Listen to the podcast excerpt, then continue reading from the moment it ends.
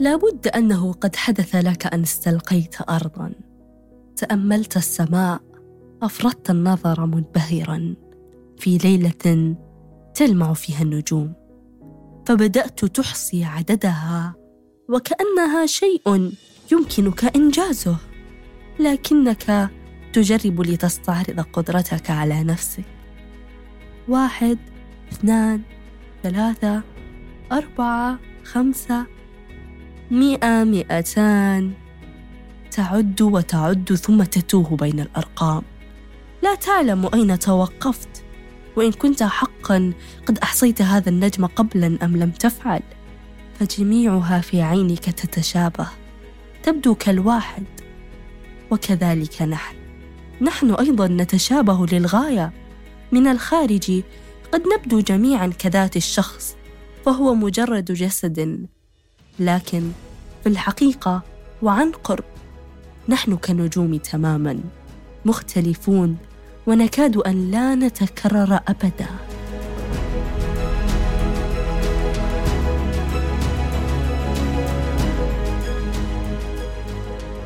ما جعل النجوم تختلف هو العمر الكوني الخاص بها.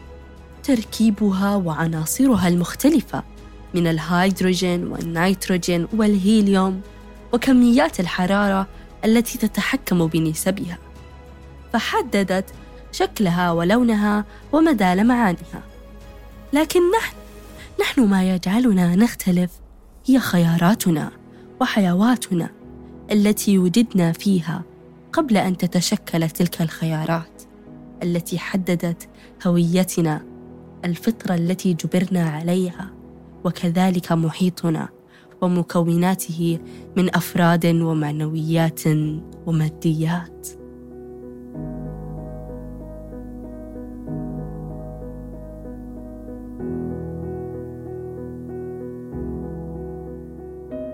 كنت أتساءل كيف قامت الحروب؟ كيف يقوم إنسان بقتل إنسان مثله وفي أبشع صور القتل وكيف قام المجندون في تلك الحروب بالإقدام على قتل بشر مثلهم بأبشع صور يمكن تخيلها ألم يكن القتلة بشرا مثلنا يتألمون لألم الغير؟ ألم يشعروا ولو للحظة أن هذا الذي يقتل أمامه هو إنسان مثله تماما؟ كيف كانوا يرون اللحظات الأخيرة لحياة إنسان يحتضر بين أيديهم؟ كيف كانوا ينامون ويأكلون وأيديهم لا تزال ملطخة بدماء ضحاياهم. أنا الآن أتحدث عن عواطفهم ومشاعرهم. وليس إنسان ينفذ الأوامر بلا وعي. هل يعود القاتل من تلك الحروب؟ ليربي طفلته ويعلمها. أن تواجه العالم بقلب حنون. أن تتفادى سحق النمل. وأن قطف الورود إيذاء لها. كيف سيشرح لها معنى ما فعله. وأنه قام بقتل شخص بريء. ذنبه الوحيد أنه ولد مختلفا. إلى أن آتاني ذاك الموقف. مع أستاذ الفنون. كنت أدرس عنده منذ أكثر من سنة. إنسان خلوق ومهذب ومعطاء جداً. ولقد كان له الفضل الكبير بعد الله تعالى في ارتقاء مستواي الفني. فقد كنت أحترمه وأقدره جدا وأعتبره قدوتي. وهو كان يسميني خليفتي في الفن. ذات مرة دخل علينا شخص أراد التعلم على يده. رفض تعليمه قائلا بعدما خرج. أنا لا يشرفني العمل مع من يختلف عن عقيدتي وهذه منفعة ضارة التي يتعلمونها. وأكمل أنه لو علمهم أسرار الفن فسيستخدمونها ضده. لم يكن يعلم أنني عقيدة مختلفة عنه. لم أستطع تحمل رؤية الشخص الذي كان كالشمس يخطئ. رغم اقتناعي أن حكمي السريع على الشخص حكم ناقص لكن أخذتني العزة بالإثم وبدأت أحاوره في أن حكمه على مجموعة من الناس بناء على عقيدتهم حكم ناقص وليتني لم أتحدث. واجهني بسؤالي عن مذهبي. وقفت حائرة بين البوح بذلك أم لا؟ فتذكرت حينها ما قرأته للإمام الزمخشري وهو من أئمة العلم بالدين والتفسير واللغة والآداب. عندما قال إذا سألوا عن مذهبي لم أبح به وأكتمه فكتمانه لي أسلم. سكت فاعتبر سكوتي أنني أؤيد الجماعة التي يعتبرها ضده واعتبرني مختلفة عنه. وهذا الاختلاف جعلني إن لم أكن مثله فأنا بالتأكيد شر متماشيا مع مبدأ من ليس معي فهو ضدي. وطال نقاشنا وامتلأ بالمشادات والاتهامات المليئة بالكره. عجبت من تحول هذا الأستاذ الذي كنت أحترمه جدا. كيف بلحظة الاختلاف أصبح يراني أبغض خلق الله. كيف لهذا التحول السريع بين شدة الحب إلى شدة البغض؟ لو سألني شخص ما هل ممكن أن أقتل أو أشتم شخصا بسبب اختلافه عني؟ سأستنكر السؤال سائلة ولكني اليوم شعرت بذلك. كيف تبدأ شرارات المعارك والحروب؟ كيف أن المختلف عني أصبح اختلافه يشكل خطرا على وجودي؟ يلومني على فعل أسلافي وألومه عليه كذلك. طلب مني الخروج من مكتبه وهو يشتمني وأنا أغادر مكتبه. أتذكر أني شتمته كذلك. شعرت بكره له وفعلت له المثل. لم أحترم اختلافه معي. شعرت بالإهانة. لم يعد الأمر متعلق باحترام الآراء وأصبح امرا شخصيا يمسني. ولكن أليس هذا ما يجعلنا متشابهين تماما؟ اشتعلت غضبا وقررت أن أدافع عن حقي. وبررت لنفسي أنني في موضع خطر. لم يعد هو معلمي. لو استطعت لانقضضت عليه وافترسته ومزقت أشلاءه بلا أي رحمة. ليس لأنه مختلف عني فقط بل لأنني رأيت اختلافه عني يشكل خطرا على حياتي.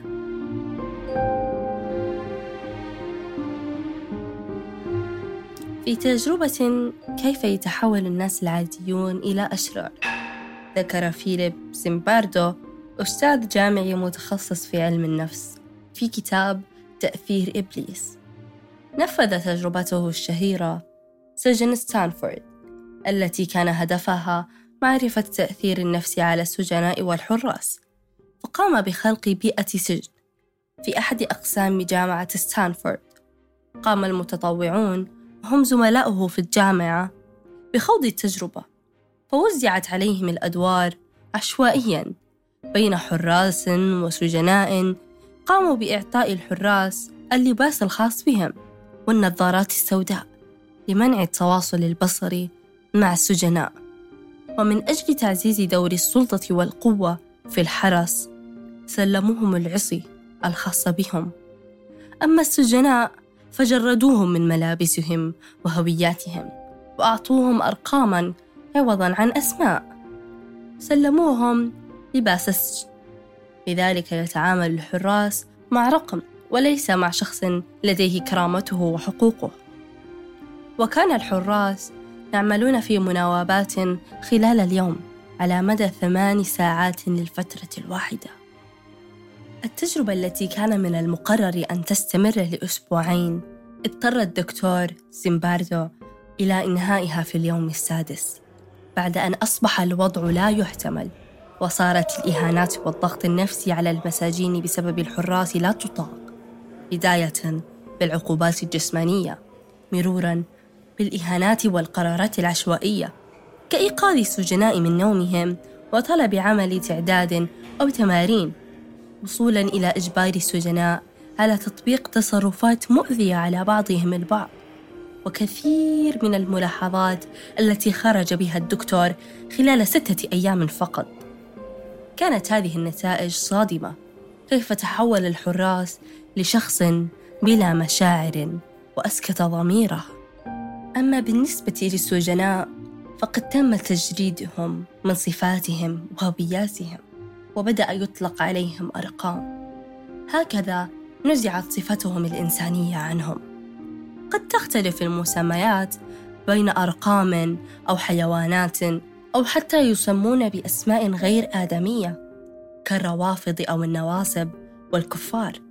وبهذه الطريقة يشعر الشخص أن الذي أمامه لا يتساوى معه في إنسانيته وقد يرى شرا ويتعامل معه بطريقة وحشية ويزيد الأذى حتى تصل لمرحلة القتل التي يعتقد أنه يستحقها ويتعود على أذاه باعتباره شيئا يستحق الأذى والسبب أنه مختلف. يقول محمد كامل حسين في كتابه قرية ظالمة التي تتحدث عن الشر الجماعي. إن الجريمة مهما تكن مبينة يسهل وقوعها إذ وزعت توزيعا يجعل نصيب الفرد من ذنبها أصغر من أن يضطرب لها ضميرها. وإن أكبر الجرائم إذ وزعت على عدد من الناس أصبح من المستحيل أن يعاقب أحد من مرتكبيها. فهذا يقذف الجماعة لأنهم مختلفين وذاك ينهب منهم وغيره يرفض تعليمهم والبعض يرفض علاجهم. وفي أسرى الحرب كانوا يتعاملوا معهم بهذه الوحشية. فذاك ينتهك وذاك يقذف وينهبهم باعتبارهم مختلفين ويجوز عليهم الأذى. بل يجب عليهم هذا الأذى بسبب اختلافهم.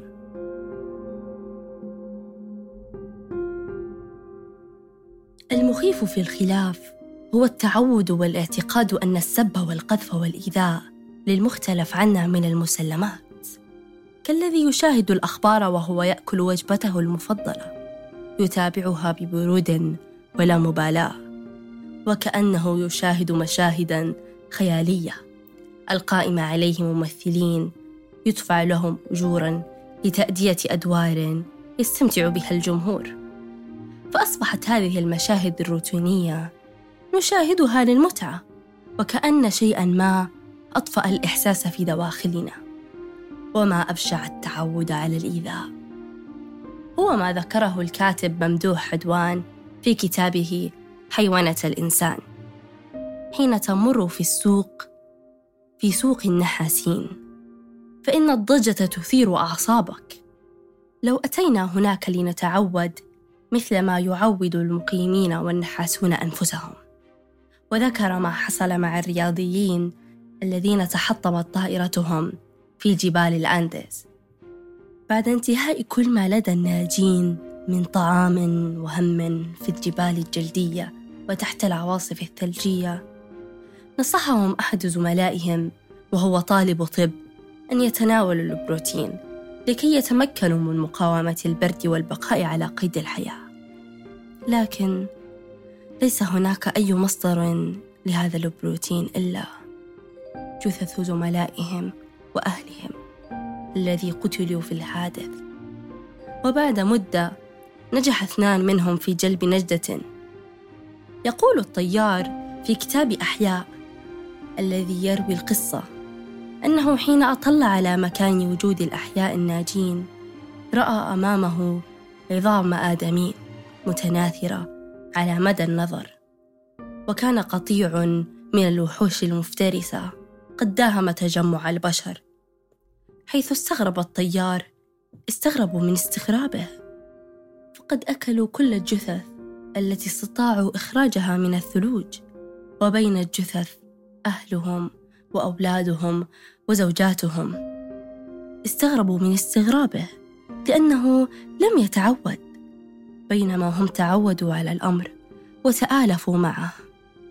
يأتيني تساؤل هنا هل تعودنا نحن على أمور غير مقبولة؟ نحن لا نتعود إلا إذا مات فينا شيء. فتصور حجم ما مات فينا حتى تعودنا على كل ما يجري حولنا. قال أنيس شوشان في قصيدته سلام عليكم وعلينا السلام. دعونا نجرب أن نعانق في الأرواح اختلافاتنا. ها أنا أمامكم بلوني بشعري بأطواري بأفكاري. أنا لا أخافكم أنا لا أخاف اختلافكم عني لأنني منكم ولأنكم مني. دعونا نخلق فن. دعونا نغوص في الحلم. لنرسي ثقافة بلا سخافة. ليكون الرقي فينا هو أسمى خلافة. دعونا نذوب الأعراف والأجناس والأطياف والأفكار والألوان. والأديان ولا نرى سوى الإنسان.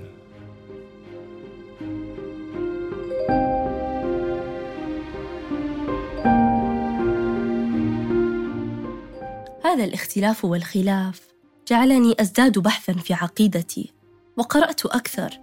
ليس للثقافة بل لكي أثبت لخصمي بطلان حججه وضحالة منطقه.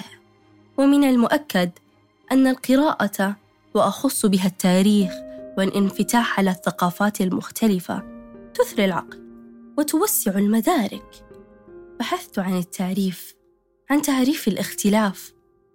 وجدت معناه الاولي البسيط في معجم المصباح المنير أن يذهب كل واحد إلى خلاف ما ذهب إليه الآخر. والغريب في الأمر أن هذا المعجم نقل عنه كثير من العلماء على اختلاف مذاهبهم وبلدانهم. أعتقد أن خلافنا مع المختلفين بسبب الاعتقاد العنصري الذي يفضل جنسية على أخرى كالذكر على الأنثى أو الأبيض على الأسود أو قد تكون بسبب الاختلاف الديني وحصر الخير والجنة في معتقد واحد دون سواه. فهذا الاعتقاد خلف كثيرا من الصراعات والحروب التي قامت ولا تزال تقوم إلى الآن بسببه. متناسين أن الأديان أرسلت لتهذيب سلوك الإنسان مع نفسه وخالقه ومع الآخرين من أبناء جنسه. وقفت كثيرا عندما قرأت آيات التسامح بين الأديان والثقافات. فالاختلاف موجود وهو جزء لا يتجزأ من الطبيعة البشرية. لذلك قال تعالى ومن آياته خلق السماوات والأرض واختلاف ألسنتكم وألوانكم. صدق الله العظيم. فهذا الاختلاف خلق لحكمة وغاية حتى نتكامل مع بعضنا. ألم يئن الأوان أن نتعلم من تاريخ الصراعات والحروب التي انهارت بمجازر دعونا نتقبل الآخر وقبول اختلافه عنا ونصنع عالما افضل متماسك. نصنع من هذا الاختلاف قوة تماسك تزيد. جميعنا نخاف الاختلاف فهذا شعور طبيعي بسبب طبيعة الإنسان الفطرية. وعندما يرى شيئا مختلفا عنه يعود للجزء البدائي في أدمغتنا. لأن الاختلاف يشكل خطرا في البقاء. ولكن إذا استأنس علمنا أن هذه المشاعر نملكها جميعا. وجميعنا مشتركون بكوننا إنسان. له حق البقاء والعيش في كرامة. لن نشكل خطرا لبعضنا فنحن خلقنا لنتكامل. بخصوص الأستاذ فقد زرته في مكتبه وقدمت له اعتذارا وابتعدنا كليا عن الخوض في مسائل لا تخص الفن. وقد كان هذا الاختلاف دافعا لنا لكي نزداد ابداعا. فقد كنت أبذل مجهودا أكبر لأشرح منطقي ولتوقع حدوث بعض الخلافات بسبب اختلافنا. فقد ركزت على المنفعة وتقبلت سماع آراء أخرى. أدى هذا على التنوع في رسوماتنا ووجهات نظرنا. واعتبرته كأنني أضغط على عضلات الإبداع والألم الناتج عن الرفض مثل الألم المرافق للتمارين فهي تنمي مهاراتي وتصقلها أكثر وهو ما جعلنا أكثر قابلية للتطور والابتكار.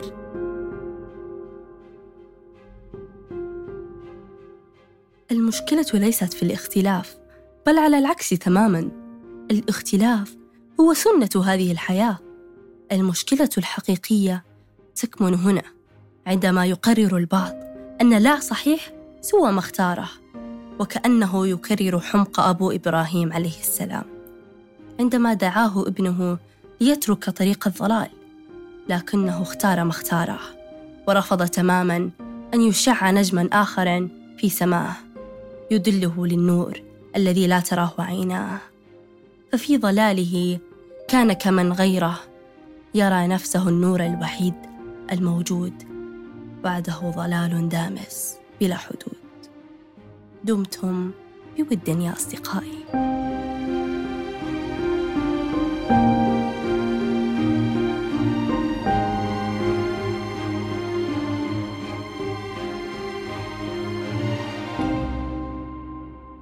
دعونا نجرب أن نعانق في الأرواح اختلافاتنا.